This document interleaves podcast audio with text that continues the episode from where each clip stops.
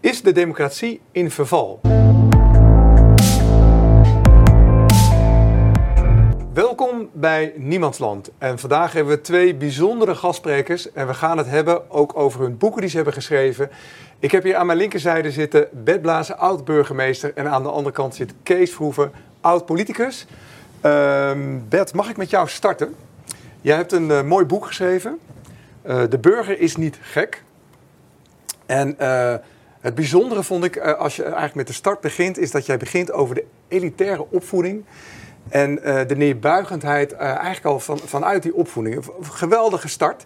Daar wil ik het graag met je over hebben. Maar misschien even voor de kijkers en de luisteraars. Eerst even, wie is Bert Blazen? Nou ja, je, je zegt al, ik kom uit een, wat, wat je tegenwoordig zou zeggen, een elitair gezin. Mijn vader was eh bouwkundig ingenieur, mijn opa was bankier. En dat kregen we met de paplepel ingegoten. Maar ik heb het voordeel gehad dat aan de ene kant, klinkt een beetje raar, mijn vader vrij jong overleden is. Heeft zijn eigen leven beëindigd. En aan de andere kant dat ik bij, de, bij het voetbalclub kwam. En daar kwam ik eigenlijk in een ander soort wereld dan thuis. En dat heeft me eigenlijk geholpen om de arrogantie van het elitaire wat los te laten en wat met een opener blik te kunnen kijken. Dus dat, dat, dat, dat probeer ik te beschrijven, omdat ik dat eigenlijk al onze politici ook gun. Dat werelden naast elkaar kunnen bestaan in plaats van dat het een beter is dan het ander. Ja. Ja, dat wordt prachtig beschreven in je boek. Eh, dat is ook echt eh, het lezen waard. Ehm, even iets nog meer over Bert zelf, want jij bent ex-burgemeester. Wat heb misschien- jij gedaan, Bert? Nou ja, de, de, afgelopen kleine 15 jaar ben ik burgemeester geweest. Daarvoor was ik ook een aantal jaren raadslid. Ik heb ook nog eh, in de Tweede Kamer een tijdje gewerkt. Want onze andere gast is ex-Kamerlid. hè. Eh, in de Tweede Kamer als voorlichter. Dus ik, ik heb aardig wat in dat politieke métier, politieke beroep rondgewandeld de laatste jaren. Dus als burgemeester van Alblasserdam, Hardingsveld, Giesendam, Vlaardingen en Heergewaard. Nou, het is natuurlijk heel mooi dat je veel bestuurlijke ervaring ook hebt. En, en op die manier ook te kunnen kijken naar de, naar de democratie en naar onze samenleving. Ja, het heeft me ook wel geleerd dat onze democratie echt opgeport moet worden. Willen we nog een antwoord geven op de vraagstukken van deze tijd? Ja. Eh, dan gaan we even naar de andere kant. Kees, welkom ook Kees. Eh, Dank. Ja, wie is Kees? Eh, ik heb even naar, gekeken naar jouw boek ook, of tenminste, ik heb hem gelezen, De Democratie Crasht. Geweldig boek. Ik kan ook allebei de boeken echt aanraden. Eh, ik vind ook de start heel bijzonder. Eh, toch even een persoonlijk dingetje. Jij zegt in 2017 heb jij gezinsbreuk gehad, dat heeft jou veranderd. Ja. En ik, waar ik heel blij van werd, is want ik dacht, oh, Kees die weet heel veel van digitale technieken. Maar eigenlijk zeg jij dat je op basis van emotie en rationaliteit zijn er heel veel beslissingen genomen. Nou, precies. Ik, eh, heb inderdaad eh, in 2017 een soort van eh, persoonlijke crisis had ik. En dat heeft mij in contact gebracht met bijvoorbeeld boeken als die van Kahneman over hoe mensen besluiten nemen, hoe mensen over dingen nadenken. En toen dacht ik ineens, ik zat toen nog in de Tweede Kamer, dit gebeurt in de politiek ook. Ja. En toen heb ik eigenlijk de verbinding gelegd tussen mijn werk van dat moment nog en, en, en de politiek. En daarbij eigenlijk ook nog het onderwerp wat mij eh, ontzettend interesseert, digitalisering. Dus ik heb eigenlijk digitalisering, technologie, psychologie en democratie bij elkaar gebracht eh, in dat boek. Nou ja, Ja. dat was, een, eh, het was niet een makkelijke eh, opgave, maar ik ben blij dat het uiteindelijk gelukt is. Eh, en ik zie dus ook in dat er al dingen eh, ja, gebeuren die onze democratie onder druk zetten, absoluut. Ik denk dat je in die onderwerpen geslaagd bent. Het is geweldig om te lezen. Eh, even over Kees zelf. Wie is Kees? Want eh, jij, eh, ex-politicus. Ja, ik heb inderdaad tussen 2010 en 2021 heb ik in de Tweede Kamer gezeten. Inmiddels heb ik een, een eigen adviesbedrijf. En voor die tijd, ik kom uit Zeeland en ik vind het verhaal van Bert grappig. Ik ben opge- opgegroeid in Kloetingen, een heel klein dorpje in de buurt van Goes. En ik zat daar op voetbal. En bij mij was voetbal ook een manier, en nog steeds, want ik voetbal tot op de dag van vandaag, is voetbal altijd nog een goede manier om inderdaad te zien dat er allerlei verschillende soorten eh, mensen en groepen zijn. En op het voetbalveld komen die over het algemeen vrij aardig bij elkaar. En dat is ook altijd mijn levenservaring geweest. Dus ik heb meer dan 40 jaar rondgelopen op voetbalvelden. En ik herken wel een beetje wat- Bert zegt. Dus Ja. eh, dat vind ik leuk om te horen. Ja, ik heb ook nog heel lang bij het MKB gewerkt. eh, de organisatie voor midden- en kleinbedrijf. En dan ben ik heel veel ondernemers tegengekomen die ook tegen mij zeiden... Ja Kees, leuk eh, die autovrije eh, binnenstad. Maar eh, hoe kan het dan met mijn eh, goederen die eh, geladen moeten worden? Weet je wel? Dus die praktische kant heb ik in mijn MKB-tijd ook wel meegekregen. ja, daarna D66 Kamerlid geweest. Mooi. Ook bestuurlijke ervaring Ja. eh, en ook ervaring met ondernemers. Nou, dat, eh, dat klinkt heel goed. Even een korte vraag voordat we helemaal losgaan over de democratie. Want dat is denk ik een ongelooflijk belangrijk eh, onderwerp. Zeker in deze tijd, denk ik. Eh, maar toch even een vraagje, Bert. Niemandsland, waar, waar doet je dat aan denken? Wat komt er bij jou op? Nou, ik, eh, ik ben op dit moment een kinderboek aan het schrijven over macht en onmacht. En dat, dan zegt iemand tegen een ander, eh, ik ben de baas. En dan zegt iemand anders, niemand is de baas. En als je in niemands land ehm, dat associeert bij mij van niemand is de baas, we doen het samen. We doen het van onderop samen. Ja. Ja, dat klinkt mooi. En, en bij jou, Kees, waar, moet jij aan denken als je denkt aan niemandsland? Nou, dat is leuk. Ik, ik, ik ben geograaf. Dus ik heb er gelijk een, een fysiek ruimtelijke eh, gevoel bij. Dus het doet me een beetje denken aan, aan bijvoorbeeld stukken van Denemarken waar je doorheen kan rijden en dat er echt helemaal niks is. En dat je dan een soort niemandslandgevoel hebt. Eh, dus dat, dat, is een, dat is een gevoel wat ik erbij heb. Eh, en ja, niemandsland, ik vind wat Bert zegt, dat is natuurlijk inderdaad, eh, ja, als iets van niemand is. We hebben natuurlijk uiteindelijk, alles is bezit geworden. Dus alle grond is van iemand geworden. En we zijn heel erg uitgegaan van bezit. En wat ik wel leuk vind is dat de laatste tijd weer mensen zeggen van ja, waarom zijn we nou eigenlijk allemaal zo met dat bezit bezig en dat afbaken? Het is ook wel mooi als iets van niemand is, want dan is het ook een beetje van iedereen. Dus dat Ja. is ook een associatie die ik heb. Eh, maar ja, goed, er zijn heel veel associaties bij het woord, maar deze twee eh, heb ik. Ja, dat is mooi. Toch altijd weer eh, verschillende perspectieven. En daar gaat het denk ik ook om als je kijkt naar samenleving. Hè? Iedereen komt Ja. vanuit een ander perspectief. Eh, Bert, waarom heb jij dit boek geschreven? Waarom vond je het nodig om nu dit boek te schrijven? Nou, eigenlijk vooral ehm, dit boek, want ik heb, ik heb eerder ook Opstand in de Polder geschreven, waarin ik beschrijf dat er een, een soort van stille opstand aan het in ons land. Maar dit boek is eigenlijk meer uit zorg, omdat ik vind dat onze, met name onze politieke, eh, nou onze politiek bestuurders, het, ons politiek eh, systeem, eigenlijk onvoldoende beseft hoe heftig die, die, die ehm, hoe heftig het is wat in de samenleving aan het gebeuren is. En ik zie het een beetje uitlopen op een crash. Jij zegt de democratie crasht. Ja. Als we niet iets aan veranderen in onze manier van besturen, dan komt er een botsing. Ik had eerst het boek willen noemen Botsen of Verbinden, maar dat vond mijn uitgever natuurlijk niks. En die heeft ervan gemaakt, de burger is gek. Had er niet ongelijk in. Ja, de burger is niet gek, hè? Hij- De burger is niet gek, precies. Dus, ehm, maar dat, ehm, wat was je vraag ook alweer? Waarom je het boek hebt geschreven? Waarom ik het boek heb geschreven, dat was, is vanuit acute zorg over dat als, we niet, als het ons niet lukt om daar iets in te veranderen, dat er dan een botsing komt. En ik wil eigenlijk het liefst die botsing vermijden als mogelijk is. Ja. Ik, ik maak even een brugje naar jou dan, Kees. Hè? Want jij hebt natuurlijk ook dit boek geschreven. Ik ben ook heel benieuwd waarom jij daarmee bent gestart, waarom je het hebt geschreven. Eh, als jij dat zegt, eh, Kim Putters, toch een hele belangrijke man denk ik in Nederland. Hè? Die heeft er wat over geroepen vanuit het Sociaal Cultureel Planbureau. Hij zit inmiddels bij de SER, de veenbrand. Hè? Wat jij zegt van onderop is er veel. En dat zegt hij eigenlijk ook. En hij vindt ook dat we naar een nieuw sociaal contract moeten. Dus naar een andere samenleving. Eigenlijk een beetje vergelijkbaar, of niet Bert? Volgens mij benoem ik het zelfs in het boek. Dat ook Pieter Omtzigt heeft dat woord nieuw sociaal contract gebruikt. En Kim inderdaad ook, Kim Putters. Overigens toen ik burgemeester in Hardingsveld, Giesendam was, was hij daar raadslid. Dus ik ken hem ook vanuit die die, periode, vanuit die ja. periode. Ehm, en ik, ik denk dat hij daar gelijk in heeft. En dat dat nieuwe sociaal contract betekent dat we op een nieuwe manier overheid en burgerij, samenleving tot elkaar moeten gaan verhouden. En wat mij betreft rap. Ja. Eerst even, Kees, want ik krijg meteen een vraag, eh, schiet me te binnen. Maar toch eerst even het boek. Waarom heb jij het geschreven, Kees? Ook uit bezorgdheid in eerste Mhm. instantie. Kijk, ehm, het is natuurlijk altijd leuk om na elf jaar in de Tweede Kamer heb ik een aantal eh, casussen. Dus ik heb de afgelopen elf jaar een aantal dossiers eh, op digitaal gebied gedaan. Die heb ik natuurlijk gebruikt als, als casussen. En het is leuk om die op een rij te zetten. Dus ook wel een beetje een terugblik op wat er afgelopen elf jaar allemaal gebeurd is op het gebied van digitale besluitvorming. Maar de hoofdmoot is bezorgdheid over de manier waarop we besluiten nemen in de Tweede Kamer. Dus ik vind dat de politieke besluitvorming onder druk is komen te staan. En ik vind dat digitalisering daar dan een grote rol in speelt. Dus ik vind uiteindelijk dat we op een manier met elkaar omgaan. In de Tweede Kamer, maar ook de mensen eh, en, en de bestuurders eh, eh, en, en, en alle andere bedrijven en zo onderling. Waardoor het op een bepaalde manier niet meer de goede kant op gaat. Ja. Het is niet zo dat die titel wordt heel vaak heel letterlijk genomen. Ja, het is wel heel somber en het crasht. Ik zie een aantal ontwikkelingen en als die doorgaan, dat, dat deel ik wel een beetje met hoe Bert het eh, net zei. Ja, dan gaat het op een gegeven moment de verkeerde kant op en dan gaat het ook mis. Dus we moeten het weer bijsturen. En ik probeer dat in dit boek Ja. bloot te leggen en vervolgens met oplossingen. En digitalisering lijkt me ook een enorme kans bieden. Dus eh, ik denk altijd, Zeker. Als, als we weten hoeveel we te- tegenwoordig weer ons telefoontje hebben net moeten inleveren, maar hoeveel we doen via ons telefoontje, waarom we de democratie in onze telefoon ook niet wat meer integreren. Ja, maar dat, dat is leuk. De, de, er zitten zeker kansen aan om eh, de democratie te versterken via bijvoorbeeld internet, consultatie en allerlei vormen van meer inspraak via het internet. Dat was in het begin ook de belofte van het internet. Het internet zou de wereld gaan democratiseren. Ja. Die positieve, kansrijke benadering, die deel ik op zich ook wel. Maar je zag wel dat eh, wat er ook gebeurt. Wij hebben ons telefoontje moeten inleveren. is eigenlijk heel goed. Want als je geen telefoontje hebt, dan kun je veel beter naar iemand luisteren. Ja. Veel meer aandacht, word je niet de hele tijd gestoord. En je zit in de Tweede Kamer, dat heb ik dan aan de lijve daar ondervonden.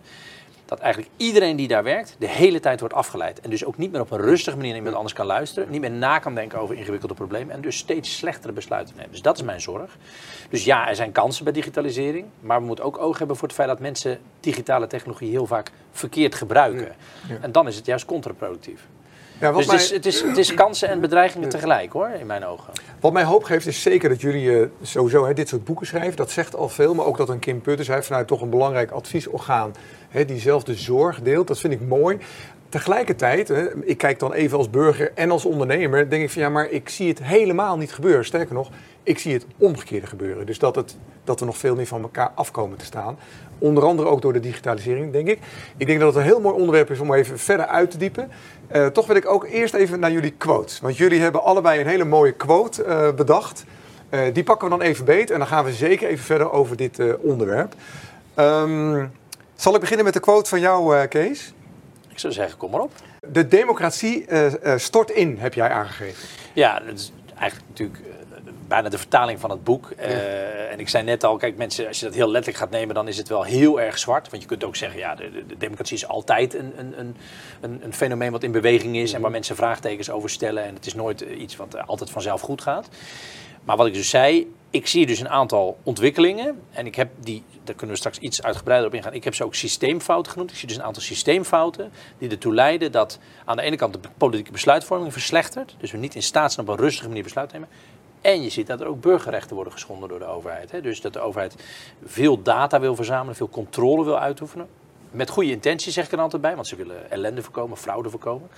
Maar dat ze dus ook burgerrechten schenden. En het schenden van de rechtsstaat is natuurlijk ook een vorm van de democratie. Ja.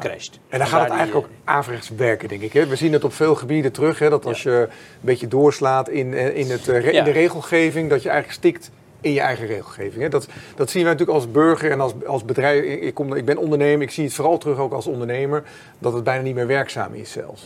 Nee, als je doorslaat, dan, eh, dan gaat het vaak mis. En uh, dat, dat, dat, dat, zoeken naar die balans, dat is heel belangrijk. En ik denk dat dat ook aansluit bij het, zeg maar, we moeten op een nieuwe manier uh, die democratie inrichten. Je moet zorgen dat er altijd checks en balances zijn. Hè? Dus er moet ook controle op de macht zijn, er moet tegenmacht zijn. En die moet uiteindelijk van de bevolking komen, van de mensen, van de burgers, van de bedrijven. Die moeten op een goede manier hun tegenmacht kunnen bieden. Maar die mogelijkheid moet er dan toch wel zijn, Kees? Want we hebben heel veel afgeschaft. Van kijk naar referenda's en allerlei andere middelen. En wat jij terecht zegt, Bert, ook de telefoon zou een heel mooi middel zijn om juist hè, die burger erbij te betrekken. Maar dat, dat gebeurt niet. Het, het, is, het gaat toch ook weer de andere kant op. Nou, er zijn natuurlijk altijd. We zijn natuurlijk nog steeds een democratie waarbij eh, iemand weggestuurd wordt op het moment dat hij het niet goed doet. Eh, je kunt elke vier jaar echt iemand anders kiezen. Je kunt echt een andere partij uh, stemmen. Je ziet ook dat er steeds nieuwe partijen opkomen. Referendum, gevoelig punt voor mijn partij. We hebben dat raadgevende referendum afgeschaft. Maar we zijn wel voor een echt referendum. Dus een noodrem. Dus als de bevolking zegt: deze kant moeten we niet op noodrem. En dan gebeurt het ook echt niet. Daar is D66 voor. Nou, daar hebben we niet het al beste trekrecord eh, gehad de afgelopen tien jaar. Dat, dat snap ik ook dat mensen dat zo zien.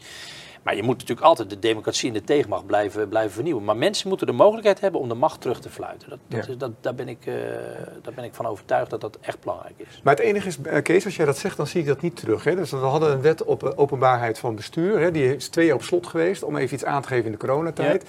Nou, als we het dan over democratie hebben, is dat natuurlijk wel een van de grondbeginselen van democratie. Dat dat transparant en open zou moeten zijn.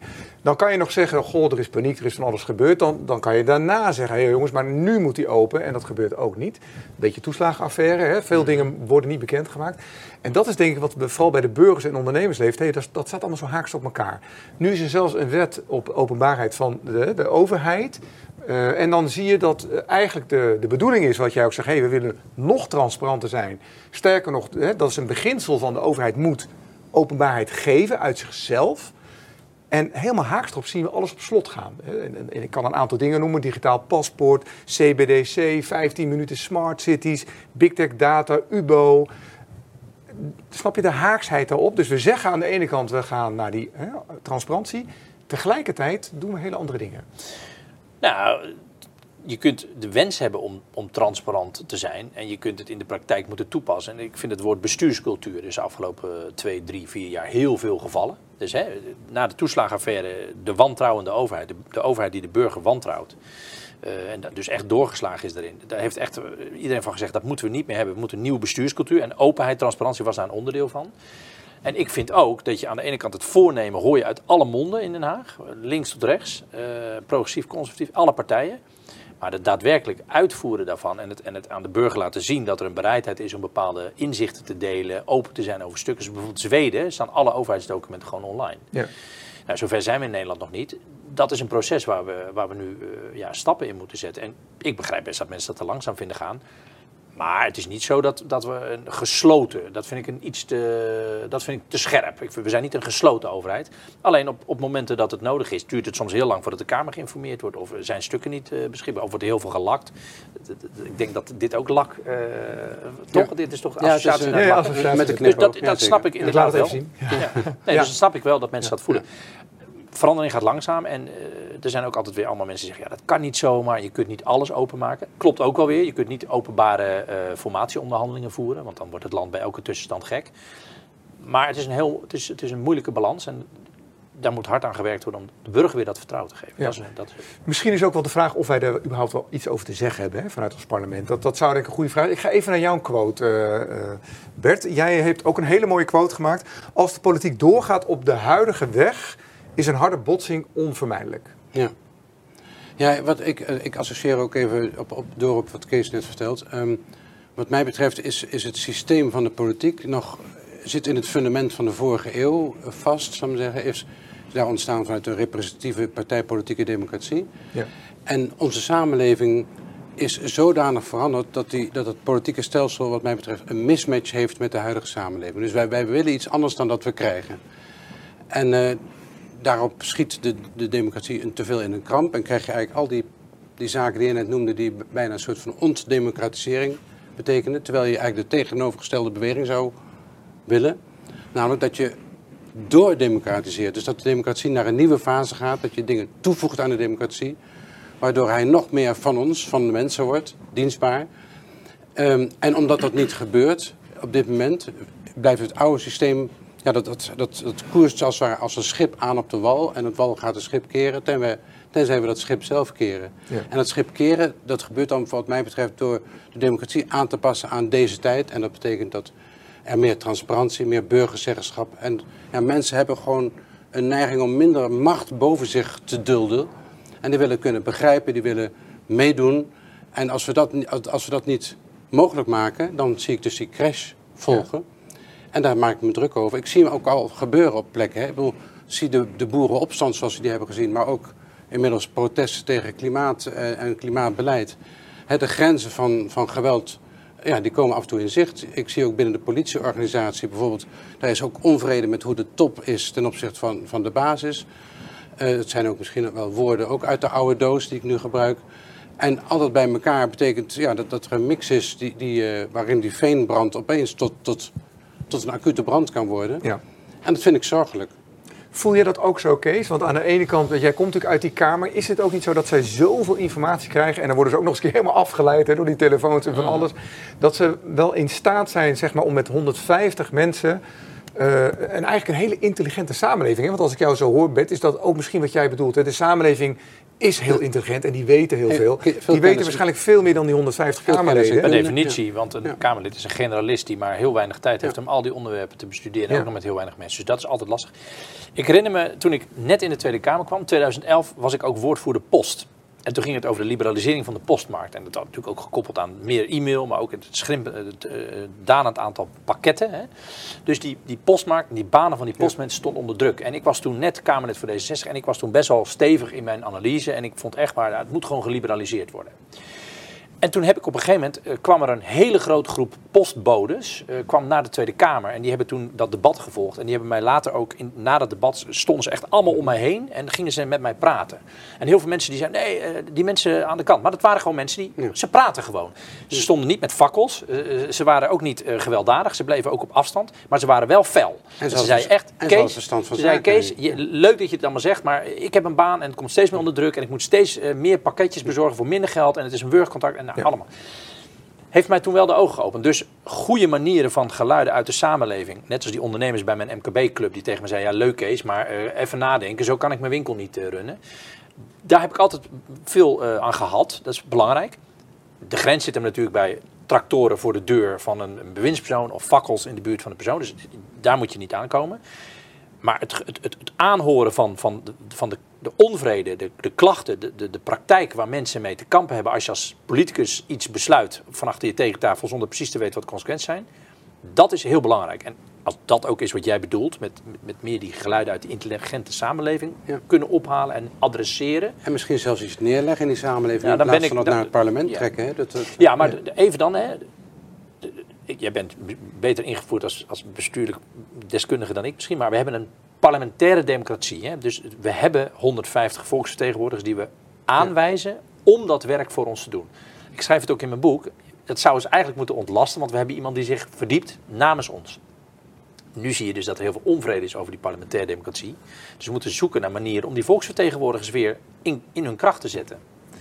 Eh, zodat ze weer het, het, de, de, de stem van de bevolking goed kunnen vertegenwoordigen. Ja. Nou, wat, wat Dat is ik, moeilijk. Ja, wat, Maar wat het is wel parlementaire democratie, dus we hebben volksvertegenwoordigers. Dus niet alles via directe besluitvorming, denk ik. Want dan ga je een hele grote stap zetten. ja. Nou, ik zelf zie daar wel kansen in om, om dat, die parlementaire democratie te verrijken met elementen van directe democratie. Ja. Misschien stapsgewijs, eh, maar te traag moeten we er ook niet in zijn, want onze bevolking is wel ongeduldig aan het worden. Ja, maar ik ben daar ook helemaal niet tegen. Alleen je ziet ook bij veel proeven met directe democratie, zie je toch ook wel weer dat bepaalde groepen burgers wel veel Zeker. invloed hebben. En de burgers waarvan je misschien zou willen dat ze meer invloed zouden hebben, ook daar weer niet aan bod komen. Dus er is geen perfect systeem. Wat ik vaak zeggen, het referendum Ja, heel de directe Heel inspraak. graag. Dit is een thema wat mij ten diepste beroert, omdat ik inderdaad zie dat als je nieuwe vormen van democratie toepast, er het risico bestaat dat er weer dezelfde, je zou kunnen zeggen, bovenlaag. Diploma-democratie. Diploma-democratie. Maar de uitdaging is nou juist om onze democratie eh, zo te ontwikkelen dat juist de mensen die nu minder gehoord worden, minder snel toegang hebben tot het systeem. En de middelen zijn er om die juist die toegang te geven. We hebben Ja. buurt-WhatsApps waar buurten gewoon hun eigen veiligheid nou, steeds meer aan het regelen zijn. Dat is een hartstikke mooi en een hartstikke toegankelijk Dat instrument. is een mooi voorbeeld. Ik, ben het ook mee eens. Ja, en dan ga ik weer naar dat voetbalveld. En dan hoor ik ook elke vrijdagavond dat we daar zitten. Vanavond zit ik er weer. Eerst twee keer drie kwartier voetballen. En dan de derde helft eh, in de kantine. En dan hebben we altijd gesprekken over dit soort dingen. En dat zijn goede, stevige gesprekken. Die buurt-app om die buurt veilig te houden is schitterend.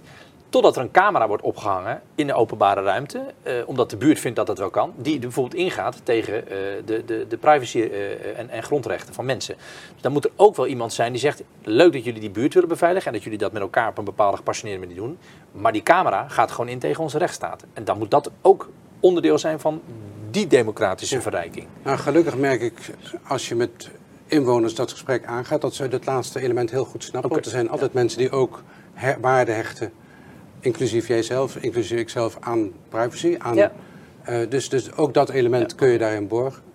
Maar het passeren van de stem van, van grote groepen in de samenleving kan, kan zich ook echt tegen je keren. Zeker. Dus, Nee, dat- daar- dus ik denk dat we vooral moeten zoeken over. naar instrumenten die, en eh, manieren van democratie bedrijven, die juist ook de ongehoorde medemens en de, nou, de Ja. minder vaardige medemens, eh, hoe, hoe we het ook allemaal willen benoemen, zodat die allemaal, net als op het voetbalveld, de ruimte krijgen. Eh, daar ben ik het wel mee eens. En die, veel wetenschappers die wijzen ook... Ik heb ook een aantal gesprekken gevoerd in aanloop naar mijn boek. Eh, die staan ook achterin het boek. En, en die- ook een aantal noemden echt het probleem van die diplomademocratie. Ja. Dus dat de, de, de, de, de welsprekende, eh, Ja. hoger opgeleide... ja, die, die met elkaar in een eigen bubbel ja, en verkeren. dat, dat, dat, en- dat, ja. dat, dat herken ik dat dat gevaar er absoluut is. Dus ja, daar moet je, je, wil, je wil iedereen erbij betrekken. Mag ik daar even naartoe? Want dat is eigenlijk ook het onderwerp hè, van waar we het over hebben. Jullie zeggen al, de democratie die clasht, hè, dat gaat niet zo goed. Ik vraag me even af wat het gevoel van jullie is bij inderdaad dat die veenbrand.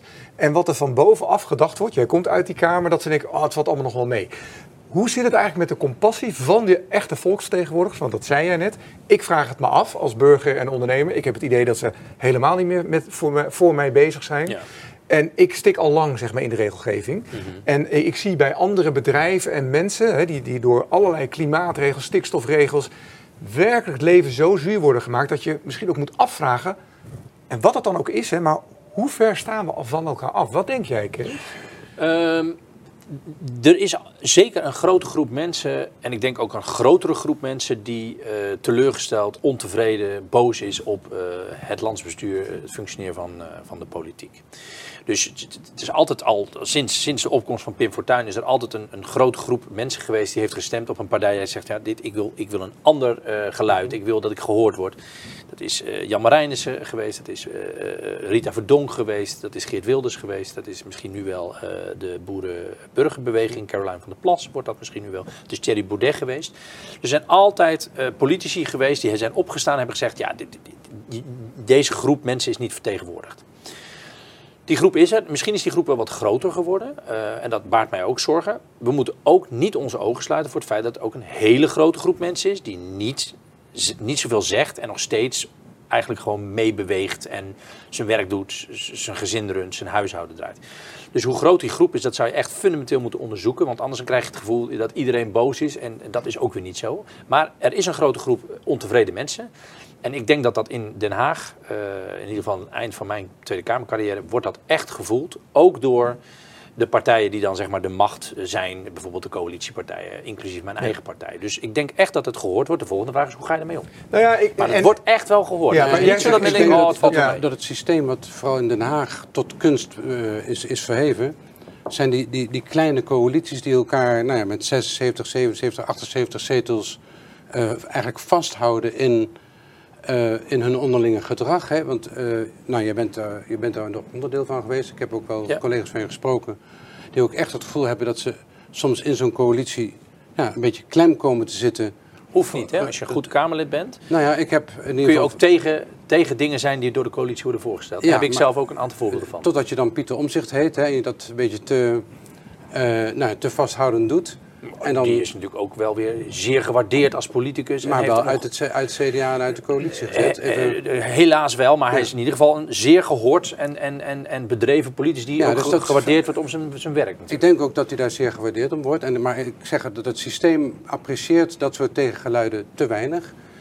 Um, dat wou ik even zeggen, want ik, ik ja. zie wel dat het, het, de systeemwereld en de leefwereld wel elkaar, van elkaar verwijdert. En dat Den Haag te veel met modellen bezig is, te veel vanuit modellen bestuurt in plaats vanuit de concrete leefwereld van mensen. Ja. En die modellen en die data zijn ook niet transparant. Hè? Er zijn ook heel veel voorbeelden van. Hè? Als we kijken naar het WOB op slot, we kijken ook naar het RIVM, alles op slot. Er is nu inmiddels gelukkig nu een rechtszaak waarbij eindelijk dan hè, die data wordt vrijgegeven. Oversterft is natuurlijk een heel mooi voorbeeld. Data zit op slot. De vraag is natuurlijk waarom dat op slot, is... vind ik, dat op slot mhm. vind ik, vind ik een... Nou ja, ik snap je gevoel, maar ik vind het iets te generaliserend als term. Want nou, okay, in het misschien... ene geval misschien meer dan het andere, maar er is ook heel veel data wel beschikbaar en, en, en er wordt heel veel wel... Ja. Uh, maar goed. Ja. Nee, maar het gaat nu even om iets uh, echt heel uh, even concreet. Je wil iets weten, dan is het vrij logisch dat je die data voor beschikbaar stelt. Want waarom zou het überhaupt geheim moeten zijn? de overheid is van ons, dus, Precies. dus die gegevens zijn van ons. In ja, principe zijn van ons. maar dat begint, zo ben ik het ook mee eens. En ik, ook het, het, ik schrijf, mijn boek staat vol met voorbeelden waarbij de overheid data verzamelt en op een verkeerde manier tegen burgers gebruikt. Daar, staat, daar heb ik een aantal voorbeelden van. Dus dat, dat, dat, dat gebeurt. Ja, nou ja, heel recent is er ook alweer een lek van het uh, UBO-verhaal. Natuurlijk voor iedereen, voor elke ondernemer is dat een, een, blok aan zijn been. De vraag is, waarom doen we dat eigenlijk? Mag ik dat als voorbeeld nemen? Tenminste, ik kijk er als ondernemer zo ja. tegenaan. We hebben een samenleving waarvan ik zeg, er is geen samenleving, want de, het overgrote deel betaalt geen belasting. Laten we die eens gaan aanpakken. Dus eerst al die grote multinationals, al laten ze eerst eens belasting betalen. Dan hebben we pas een samenleving. Hè? Want die gaan dan ook voor de infrastructuur, gezondheidszorg allemaal betalen. Ik denk dat er heel veel problemen zijn opgelost. Wat doen we aan de andere kant? Gaan we UBO in het leven roepen om mensen die dan heel goed, zoals ik als MKB, die gewoon hard werken en alle belasting betalen, die gaan we dat kleine beetje wat er misschien niet betaald wordt, dan gaan we een heel regelsysteem opzetten. Banken, verzekeraars kunnen niet meer werken. Wij worden er gek van. Dan vraag ik me af, Kees, hoe kijk je er tegenaan? Waarom doen we dat? Want dan is het toch helemaal een doorgeslagen regelgeving waarbij we het hebben over een samenleving samen belasting betalen. Ik moet je bekennen dat ik dat UBO, van voorbeeld wat jij kent, dat ken ik niet goed genoeg. Maar voor de rest ben ik het eigenlijk met je eens. Uh, we moeten de, de grote uh, wanbetalers en de grote uh, profiteurs, om zo even te zeggen, bijvoorbeeld big tech bedrijven die dus overal hun, hun bedrijf op een bepaalde manier zodanig inrichten dat ze maar niet die belasting hoeven af te dragen. Dat is een groter probleem dan, dan een aantal mensen of bedrijven pakken die misschien per abuis of hele kleine stukjes niet goed doen. Daar ben ik, daar ben ik het absoluut mee eens. ja, hoe die UBO-regeling verder precies zit, weet ik niet. Je ziet vaak dat er een neiging is, dat zie je ook bij de toeslagenaffaire, maar ook andere eh, antifraudesystemen van de overheid, dat er heel erg de neiging is om een kleine, kwetsbare, relatief of grotendeels onschuldige groep, om die bovengemiddeld hard aan te pakken.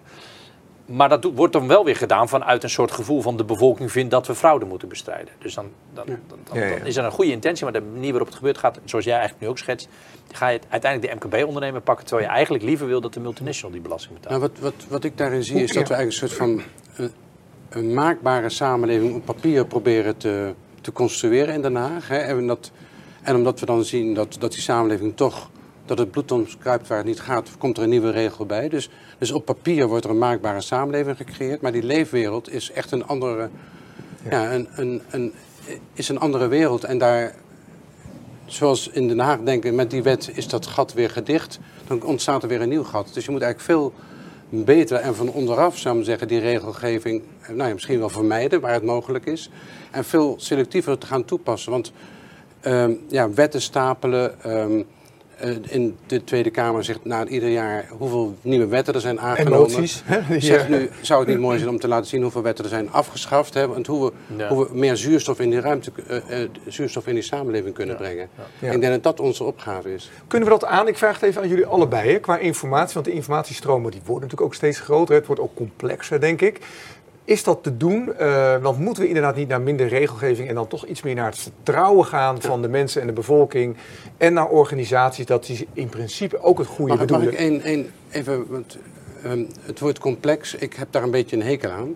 Ja. Het is ook een woord van mensen die graag willen dat het blijft zoals het is. Hè? En dan, ja, maar het is allemaal complex. Ja. Daar heeft Dat geen is verstand van. technocratische neiging. Ja. Nee, dat, dat, dat en, is, eh, dat en ik volgens mij, als je Het is overigens ook wel complex. Met, er is meer informatie gekomen. Dat is aantoonbaar zo. Zeker, Er meer maar en informatie. zodra je iets begrijpt, wordt het ook weer minder complex. Hè? Dus, dus als je nou zegt het is complex, dan is het vaak een uiting dat je het zelf even niet zo goed doorhebt en niet zo goed begrijpt.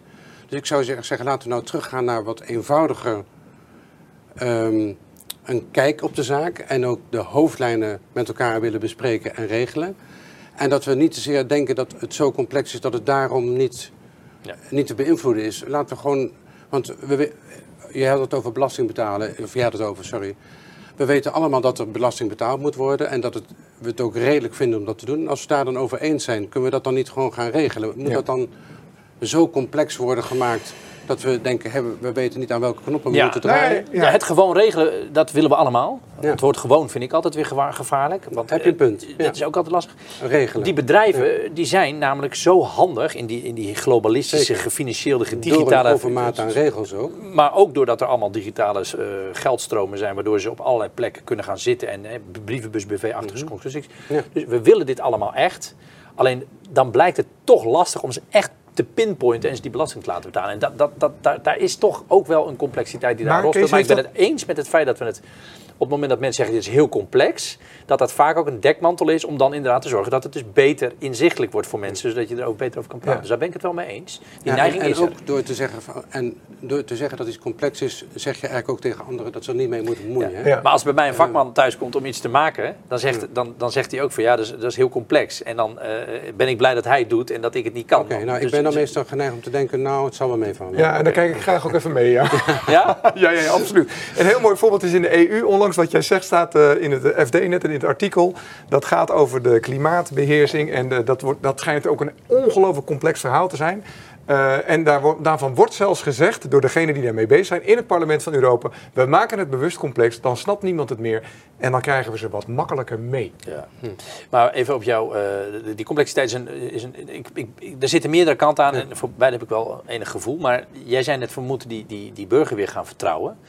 Eh, daar ben ik het 100% mee eens. Mijn eerste aanbeveling is gecontroleerd vertrouwen. Dus ik zeg, je moet de burger weer veel meer gaan vertrouwen. Dus als, als je kijkt naar de vertrouwenscrisis tussen overheid en burger, dan is de overheid aan zet om de burger weer te gaan vertrouwen. En dan gaat heel langzaam die burger misschien de overheid weer terug, vertrouwen. ja. Dat zien we dan. Eerst moet die Ben overheid. En dan zeg ik gecontroleerd vertrouwen. Je mag best wel steeksproefverwijs een, een 10.000 bedrijven per jaar controleren of ze een belasting betaald hebben of huishouden. Maar niet meer op basis van algoritmes, datasets, modellen, eh, zwarte lijsten, preventief fouilleren, onderbuikgevoelens. Dus doe het eerlijk en zonder aanzitspersoons. Ja, want ik, ik Want ga anders ga je de burger wantrouwen. Precies, want ik ga heel erg mee met wat Bert zegt. En maar daar hebben wij natuurlijk als ondernemer en burger erg last van. We bedenken ontzettend veel regels, hè, toeslagen, eh, subsidies. om bij wijze van spreken eerlijke verdeling te doen. Hè? Want Ja, daar gaat het om in de zeker, samenleving. zeker. Tegelijkertijd hebben we hele grote dingen liggen, zoals belasting, die we gewoon helemaal niet regelen. Terwijl als je dat gaat regelen, heb je in één keer heel veel zaken geregeld. Hè? Onderwijs is geen probleem meer voor mensen, de zorg kun je oplossen. En dat is een beetje wat ik bedoel. En dat zien denk ik heel veel mensen met een soort nuchtere kijk. Mhm. Jongens, al die regelgeving. ik Ja. wil op wou reageren. Je- Je zei net van het wordt opzettelijk ingewikkeld gemaakt. Of, eh, eh, Ja, vanuit de EU was dat onlangs Ja, een ik stuk weet, ik over weet de... niet ja. zo of dat opzettelijk, of ik daarin meega. Ik, Nou, ik ze spraken het uit Ik zie het meer als een soort van tunnelvisie. Dat we steeds meer geneigd zijn om dingen te regelen via modellen, via Ja. wetten, via regelgeving, via top-down mechanismen. Ja. En dat het niet per se een, een, een soort nou ja, Truc is. een truc is, maar gewoon een soort van onvermogen. Ja. En dat we eigenlijk moeten kantelen om veel meer van onderaf, ook met stikstof. Hè. Ik heb een, een uitzending, eh, waar- toen zat ik op de stoel waar jij zit als gespreksleider, begeleid tussen natuurbeheerders aan die kant en boeren aan deze kant. En we begonnen met elkaar in gesprek te gaan over hoe je in een bepaald gebied de natuur kunt bevorderen. En dan hadden ze, er kwamen allemaal goede ideeën op tafel, maar het waren eigenlijk allemaal ideeën die niet pasten in het plaatje van de regelgeving, de uniforme stikstofregel van, die het Rijk bedenkt. Dus wij kunnen van onderaf veel meer oplossingen bedenken voor problemen die reëel zijn, die we ook reëel kunnen waarnemen, in plaats van die van papier afkomen. En dat lijkt me nou zo'n belangrijke kanteling om door te maken. Ik vind het wel mooi, even brugjes naar oplossingen, Kees. Want dat beschrijf je ook in je boek, hè? Eh, wat, wat zeg jij aan, qua oplossingen, hè? als je zegt de democratie eh, Ja. is in verval, wat kunnen we eraan doen? Ja, en het- is een gezamenlijke opdracht. En het is een geleidelijke opdracht. Hè? Dus het is niet van één druk op de knop, we voeren een kiesdrempel in, we, we doen meer Kamerleden of we doen een referendum en dan is het opgelost. Daar geloof ik echt niet in. Het is een, we zijn er langzaam zijn we een beetje afgegleden. We zijn langzaam die, die, die, die patronen laten, toe- laten gebeuren, waardoor ik dus denk dat het misgaat. Dus je moet nu ook met z'n allen zeggen, oké, wat kan ik doen? Nou, één van de dingen die ik voorstel is dat gecontroleerde vertrouwen. Dus de overheid die echt weer die burger gaat vertrouwen, dat is er één. Maar ik zit natuurlijk ook een beetje op die digitale technologie. Ik vind ook dat we een aantal eh, invloeden van social media, die smartphone die de hele tijd maar aan de gang is, al die datasets die we de hele tijd ter beschikking hebben, daar moeten we gedoseerder en voorzichtiger mee omgaan. Want die zetten ons brein als het ware in een versnelling, waardoor we heel snel allerlei snelle oplossingen pakken. Oh, dat werkt wel zo, we gaan dit aanpakken, daadkracht. En ik vind dat er wat meer rust en overwogenheid eh, in het beleid moet komen. Dus dat kan ook onder andere door bijvoorbeeld te zeggen... we gaan er met meer mensen over praten, er is meer inspraak mogelijk. Is allemaal tegenspraak mogelijk. Dat soort elementen zoek ik een beetje naar. Dus het is wat mij betreft een, een afkoeling van het systeem... is voor mij ook een belangrijke. Dus niet alleen maar eh, die, die afstand verkleinen, die inspraak vergroten... maar ook degene die daar zitten meer op een rustige manier tot, tot besluit laten komen. Maar het begint met vertrouwen in die burger. Dat is voor mij gewoon de hoofdmoot. En dat is heel moeilijk, want die maakbare samenleving, had jij het net over, dat is de driver van elke politicus. Iedere politicus wil de samenleving maken op, Ja. volgens zijn ideologische. eh, z- dus Ja. die maakbaarheid is een enorme drive van alle Ja. politici. En die leidt tot ja, verkeerde, in, ja, verkeerde interventies, terwijl de intenties vaak goed zijn. Ja, en, en veel controle. Hè? Want- Hoe kijk jij daarnaar, Bert, qua Nou, ik, vind, ik vind vertrouwen een heel mooi woord. Eigenaarschap, maar dan van onderop Ja. ook. Eh, omarmen tegengeluid. Even, want jij zei net, er is in de Tweede Kamer wel bewustzijn op dat punt. Nou, ik denk dat we nog, nog duidelijker moeten zien dat eh, er structureel groepen zal ik maar zeggen, op achterstand staan in het gehoord worden in de Tweede Kamer. Ook omdat nou ja, ambtenaren zijn natuurlijk allemaal theoretisch opgeleid. Tweede Kamerleden zijn theoretisch, wat we dan hoger opgeleid. Mensen die met hoge opleiding hebben meer toegang tot het systeem. Dus we moeten juist zorgen dat mensen met praktische opleidingen ook meer gehoord worden, meer positie krijgen. Die democratie meer van onderop opbouwen. Dat vind ik ook een heel belangrijke, eh, een belangrijk element. En nou, dat, dat tegengeluid omarmen, hè, dat wat, eh, dus als structurele houding. Dus dat je niet, niet denkt dat je het zelf beter weet dan een ander, maar dat je elkaar kunt aanvullen. Zoals wij nu in een gesprek met elkaar Nee, zijn. maar tegenspraak en tegenmacht zijn, dat is cruciaal. Dat, Ja. is, dat is trias politica, dat is, dat is Thorbecke, dat is de basis van de democratie. Dat er de mogelijkheid is om de macht tegen te spreken. Dat je kan zeggen, dit vinden wij geen goed idee. Dit, dit- Wij vinden deze keuze als bevolking geen goed idee. Dat moet mogelijk zijn. Ja. ja, maar ook adviesorganen zoals de Raad van State of de, de Autoriteit Persoonsgegevens, andere toezichthouders die tegen het kabinet zeggen, dit moet je niet doen. Daar wordt steeds minder goed naar geluisterd door het kabinet. Dus ook- een vorm van tegenspraak. En die gewoon, gewoon Waar ligt het aan. Kees, denk je? Nou, het is heel moeilijk om tegenspraak te dulden. Eh, dat zie je ook vaak in, in, in leiderschap. Zie je dat mensen zich omringen met mensen die vergelijkbare dingen zeggen. Die hetzelfde vinden, die hetzelfde uitzien, die dezelfde Ja. opleiding hebben gedaan. Het, het is ontzettend moeilijk om als mens iemand in je omgeving te dulden die tegen je zegt, nou, eh, wat je nou zegt, eh, ik zou er nog eens even goed over nadenken. Maar want het is dit, meer, dit, dit. meer nodig dan ooit. Zeker. Juist omdat we als samenleving heel pluriform zijn, heel divers zijn. En dat is juist een kracht, denk ik, dat een samenleving heel verscheiden kan zijn. Maar je democratisch stelsel moet dat wel kunnen faciliteren, kunnen omarmen. Ja. En vandaar dat ik net pleit voor, nou, wat jij, zegt, ook, vertrouwen in die samenleving. En er is ook een mooi begrip van, van top-down naar bot- bottom-up. Ehm, eh, naast het woord hiërarchie heb je het woord heterarchie. En hiërarchie betekent dat het een boven het ander staat. En bij hier- heterarchie staat het een naast het ander. Ik denk dat we ste- steeds meer moeten gaan realiseren dat het een naast het ander kan bestaan. In plaats van dat het een beter is dan het ander. Mijn kinderen geloven ook meer in een heterarchie dan een hiërarchie. Ja. Ja. Nou, ik denk, ja, dat is Dat wel zeggen, mooi. hè? ja, luister eens even. eh, Wij gaan gewoon met jou in gesprek. In plaats van dat jij Ja. tegen ons vertelt wat we moeten doen. Ja. Eh, en eh, er is altijd natuurlijk weer een, ook Zeker. daar een spanningsveld.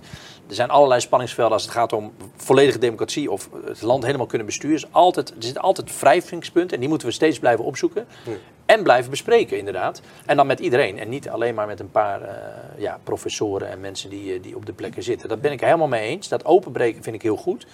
Ehm, en, en wel, wel op een manier dat je elkaar nog, nog op een normale. Je hoeft het niet met elkaar eens te zijn. De manier waarop je het met elkaar oneens bent, Ja. die is cruciaal voor een democratie. Ja. Ik noem altijd het voorbeeld van Gert-Jan Segers, mijn stadsgenoot in Amersfoort. We wonen allebei in Amersfoort. Hij is van de ChristenUnie, ik van D66. Op sommige dingen staan we dus diametraal tegenover elkaar qua inhoud. Maar we, gaan, we reden altijd s'nachts terug vanuit Den Haag eh, in de auto. En dan zaten we naast elkaar. En dan hadden wij daar gewoon gesprekken over. En dat waren stevige gesprekken. Maar we waren het oneens met elkaar op een manier die wel de samenleving of het samen zijn mogelijk bleef maken. En daar, daar geloof ik in. Hoe, hoe verschil je met elkaar van mening? Dat is belangrijk. Nou, misschien is het goed hè, dat burgers voortaan met politici in de auto s'avonds meerijden naar huis. Dat zou natuurlijk wel heel mooi zijn, hè, dat ze met elkaar gewoon in de dialoog gaan. Doen ze in het Verenigd Koninkrijk, doen ze dat, hè? die spreekuren en zo. Dat Ik had wel. ook nog wel een hele concrete suggestie, als we dan willen verbeteren.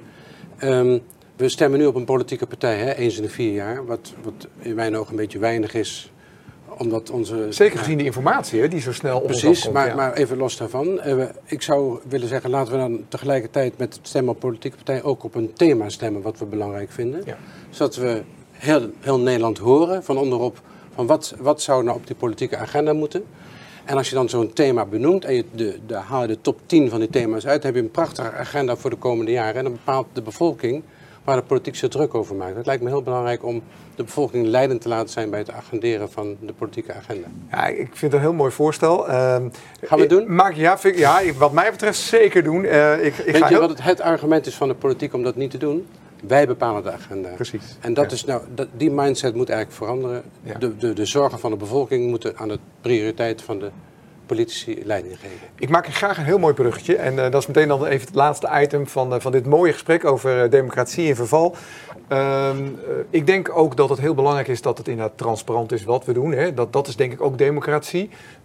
En ook dat de media hè, als een vierde macht daar goed in meewerkt. En dat we niet worden geframed en gaan polariseren. Eh, wij merken in ieder geval als burger en ondernemer eh, eh, merken we dat er een aantal dingen gewoon niet besproken mogen worden, bijna een taboe is. Ik wil heel graag drie onderwerpen aan jullie laten zien. Dat gaan we ook thuis aan de kijkers en de luisteraars vragen, want dit is ook te luisteren op een podcast. Om naar deze drie onderwerpen jullie reactie te geven. Wij willen even kijken van welke van deze onderwerpen waar eigenlijk niet over gesproken wordt, zouden jullie toch wel heel graag op tafel willen hebben. Dus de onderste steen boven. Oké. Ik begin heel graag met de eerste. Eh, de EU-energiepolitiek is on- ontzettend belangrijk. De Nord Stream 1 en 2 zijn ongelooflijk belangrijke levensaders voor Europa. Die zijn eh, opgeblazen. Eh, daar zouden wij toch eigenlijk denk ik alles van moeten weten. Wie, wat, waarom en hoe is het gedaan. En dat heeft niks te maken met pro-Poetin, tegen Poetin, pro-Amerika, tegen Amerika. Waarom is dit gebeurd? Want dit heeft ongelooflijk veel gevolgen voor onze burgers en onze ondernemers. Dat zien we nu elke dag terug. De tweede is de digitale paspoort.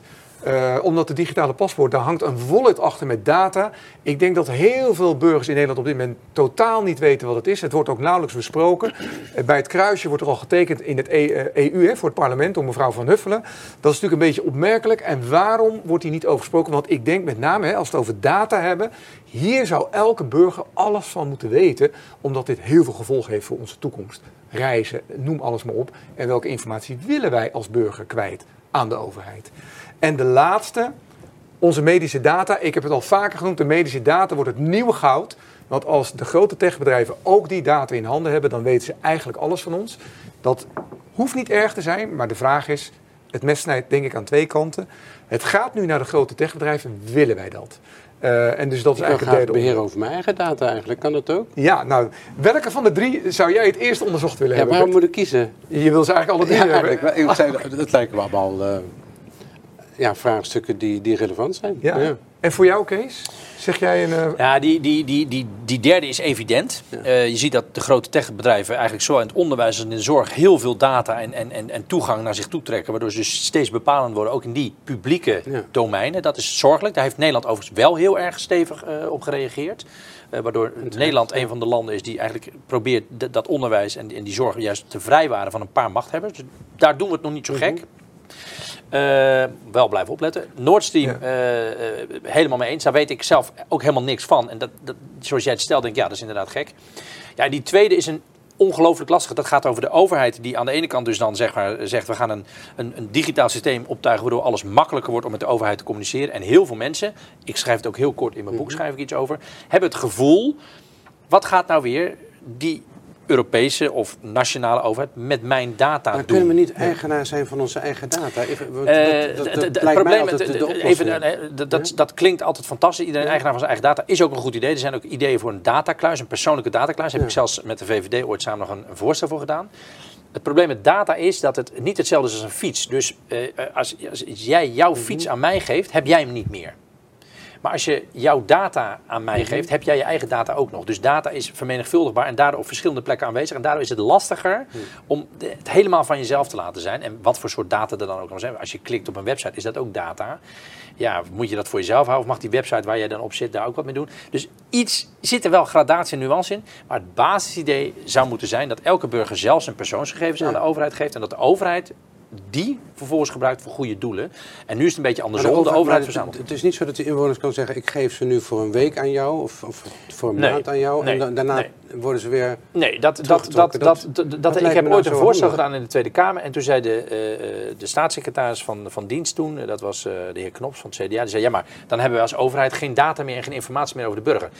Daar kan je negatief zeggen, ja, je wil toch alles controleren, dus we hebben eigenlijk gelijk met het plan. Mm -hmm. Maar de overheid heeft natuurlijk ook heel veel data. Moeten we ook gewoon zien om goede dingen voor burgers ja, te zeker. doen. Dat moeten, maar, we niet, moeten we niet doen als de burger alleen maar... Mij, hè? Ja, ja nee, ik, ja, goed. ik vind het een mooi, man, ik vind het een mooi Iets, onderwerp. uh, ik denk dat we hier... Hier en daar wat nuances, we, maar verder goed gesprek. Door, ja, nee, nee, maar ik vind het een heel onderwerp. Ik vind het een hele belangrijke. Dat eigenaarschap van de data, zeker in de blockchain, is er heel veel mogelijk. Ik denk dat het onvoorstelbaar belangrijk is in de tijd waar we heen gaan. Want we gaan naar een maakbare mens. Dus dan is ook maar de vraag, hoe gaan we dat ethisch met elkaar afspreken? Over wat wel en wat niet. Wat betreft niet alleen over data gaan, maar over je leefomgeving, over je leven. Dus... De zelfbeschikbaarheid van je lichaam, et cetera. Ja, nee, ik vind het een hele goede vraag. Ik wil hem zelfs ook wel even aan de kijkers meegeven. Jongens, willen jullie dat wij dieper op ingaan? Laat het weten. Maar, maar, maar even, die, die, die maakbare mens, dat vind ik spannend. Toen jij zei maakbare mens, toen moest ik ineens weer aan niemandsland denken. Ja. Toen dacht ik, dan lopen we allemaal maakbare mensen in niemandsland. Dus we moeten ook wel menselijk blijven en niet alleen maar maakbaar. Ja, en ik hoop graag dat we dat blijven doen. Hè? Want we zien door de technocratie dat het wel misschien eens de andere kant op zou kunnen gaan. En de vraag is ook wie, hè? wie, wie bestuurt dat. Maar dat is, dat is ook even een ander onderwerp. Maar ik vind het heel mooi dat eigenaarschap van je eigen data, denk ik dat het een heel mooi onderwerp is. Uh, en daar willen we ook zeker wel induiken. Ik wil jullie bij deze heel erg bedanken voor jullie uh, invulling van dit mooie gesprek. Uh, ja, we kunnen denk ik uren hierover doorpraten. Is denk ik ook heel belangrijk. Dus mogelijk gaan we er ook nog wel een vervolg aan geven als jullie dat willen. Ik wil heel graag afsluiten. bedankt voor het kijken. we hebben op dit moment ook wereldnieuws lopen. ook een aflevering natuurlijk over, over democratie, over de EU. Hele belangrijke thema's. En we hebben ook al geschreven, dat doen wij vanuit Be Informed artikelen over dit soort grote thema's. En ook over de thema's uh, waar we het nu over hebben, hebben we al een aantal mooie uh, artikelen geschreven door onze onderzoeksjournalisten. Zeker het uh, kijken of lezen waard. Dus kijk even op onze site, we gaan deze bronnen erbij zetten. nogmaals, deze boeken zijn echt een aanrader. Willen we een mooie democratie hebben? hartelijk dank Kees, hartelijk dank Bert. luisteraars, kijkers, dank wel voor het kijken weer naar deze aflevering. Dankjewel.